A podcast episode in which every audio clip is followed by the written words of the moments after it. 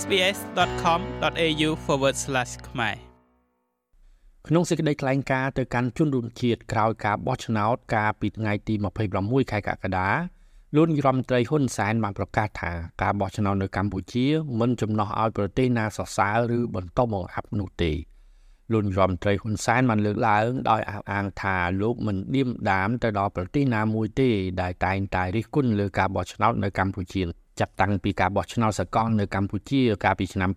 2018ដែលប្រទេសនោះលោកនាយករដ្ឋមន្ត្រីហ៊ុនសែនលើកឡើងថាបានរិះគន់ទៅលើការបោះឆ្នោតនៅកម្ពុជាដោយសារតែមិនមានបកប្រឆាំងចូលរួមប្រគល់ប្រជែងក៏ប៉ុន្តែប្រទេសនោះនៅតែត្រូវធ្វើការជាមួយនឹងលោកដែលដឹកនាំរដ្ឋាភិបាលកម្ពុជាដដែលអស់លោករបបដកហូតពិសោធន៍នៃនយោបាយជលនិយមដើម្បីធានាថាអស់លោក អាចចូលរួមដំណើរការនៃលទ្ធិប្រជាធិបតេយ្យនៅកម្ពុជា ហើយអ្នកសង្កេតការជាតិនិងអន្តរជាតិដែលមកកាត់ទីនេះគឺជាសាក់សីរស់នៃដំណើរការប្រជាធិបតេយ្យនៅកម្ពុជា វាមិនចំណោះទៅលើប្រទេសមួយឬប្រទេសពីរ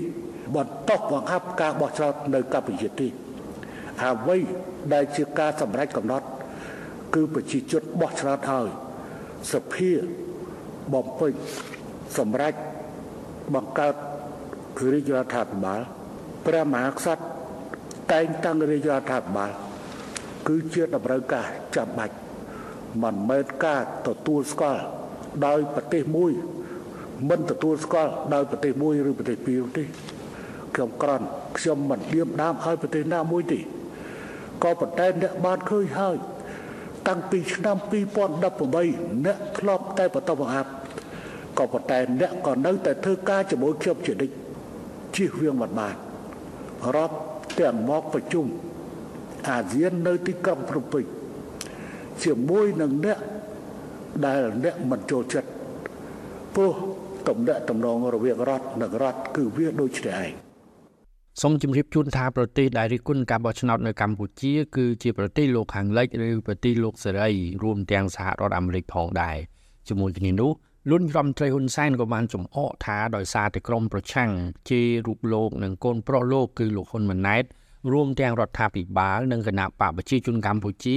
ទើបធ្វើឲ្យសម្លេងឆ្នោតរបស់គណៈបកប្រជាជនកម្ពុជាកើនសម្លេងលើសពីការបោះឆ្នោតឃុំសង្កាត់ឆ្នាំ2022 ដែលមានត្រឹមតែជាង70%ក៏ប៉ុន្តែការបោះឆ្នោតសកលតំណាងរាស្ត្រនៅពេលនេះគឺគណៈបកប្រជាជនកម្ពុជាបានទទួលសម្លេងគាំទ្រជាង80%លោករដ្ឋមន្ត្រីហ៊ុនសែនក៏បានប្រកាសឲ្យក្រមប្រឆាំងបដូរអេរីយ៉ាបតដើម្បីធ្វើការសហការជាមួយនឹងរាជរដ្ឋាភិបាល ដែលដឹកនាំដោយគណៈបកប្រជាជនកម្ពុជាខ្ញុំគួរតែបញ្ជាក់ថានយោបាយជលនិយមគួរតែត្រូវលុបបំបាត់មិនមែនគួរទេចាំបាច់ត្រូវលុបបំបាត់ ឲ្យអស់ពីកម្ពុជា ក្រុមណាក៏ដោយដែលមានចេតនាផ្សារភ្ជាប់ខ្លួនជាមួយមេក្រុមជលនិយមគឺមិនគួរត្រូវបានលើកលែងនោះឡើយច្បាប់នឹងត្រូវប្រើដើម្បីកម្ចាត់ចោលជាមួយក្រុមជលនិយមនេះតែម្ដងខ្ញុំមិនប្រមាថអស់លោកនោះទេ ក៏ប៉ុន្តែខ្ញុំគួរតែដាស់តឿនអស់លោកល្អជាងផ្លូវសហការផ្លូវស្ថាបនាជាជាងផ្លូវប្រើហិង្សា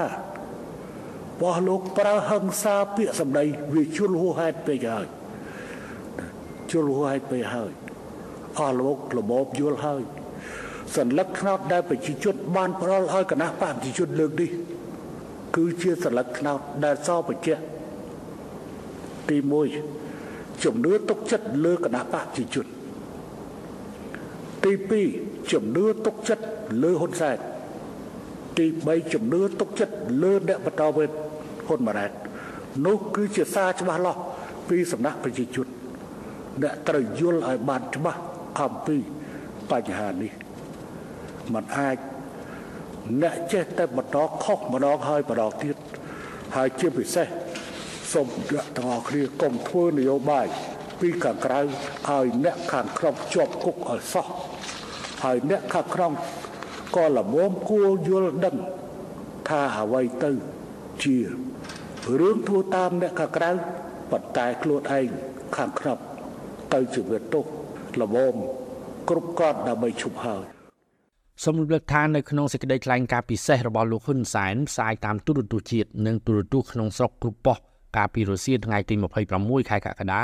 លោកហ៊ុនសែនប្រធានគណៈបកប្រជាជនកម្ពុជាបានលើកឡើងតាក់ទងទៅនឹងលទ្ធផលនៃការបោះឆ្នោតជ្រើសតាំងតំណាងរាស្ត្រនីតិកាលទី7នៃរដ្ឋសភាដំណើរការរៀបចំរដ្ឋសភានិងរាជរដ្ឋាភិបាលថ្មីឆ្នាំ2023ដល់ឆ្នាំ2028មុនសេចក្តីថ្លែងការណ៍នេះកាលពីព្រឹកថ្ងៃទី26ខែកក្កដាលោកនាយរដ្ឋមន្ត្រីហ៊ុនសែនបានចូលព្រះបរមរាជវាំងថ្វាយបង្គំគភ៌ព្រះមហាក្សត្រសម្ដេចព្រះបរមនាថនរោត្តមសីហមុនី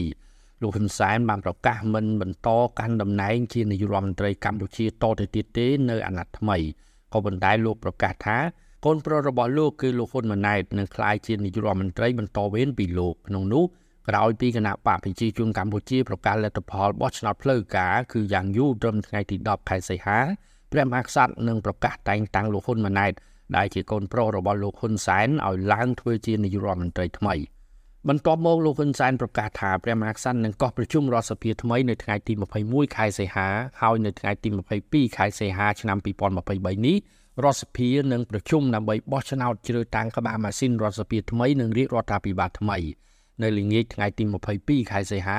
គណៈរដ្ឋមន្ត្រីថ្មីដឹកនាំដោយលោកហ៊ុនម៉ាណែតជានាយករដ្ឋមន្ត្រីនឹងស្បត់ចូលកាន់តំណែង។ យ៉ាងណាក៏ដោយទោះបីជាបញ្ចប់តំណែងជានាយករដ្ឋមន្ត្រីដែលលោកហ៊ុនសែនបានកាន់តំណែងនេះអស់ជាង38ឆ្នាំចាប់តាំងពីថ្ងៃទី14ខែមករាឆ្នាំ1985រហូតដល់ថ្ងៃទី22ខែសីហាឆ្នាំ2023ជានាយករដ្ឋមន្ត្រីយូរជាងគេនៅលើពិភពលោកក៏ប៉ុន្តែលោកហ៊ុនសែនបញ្ជាក់ថា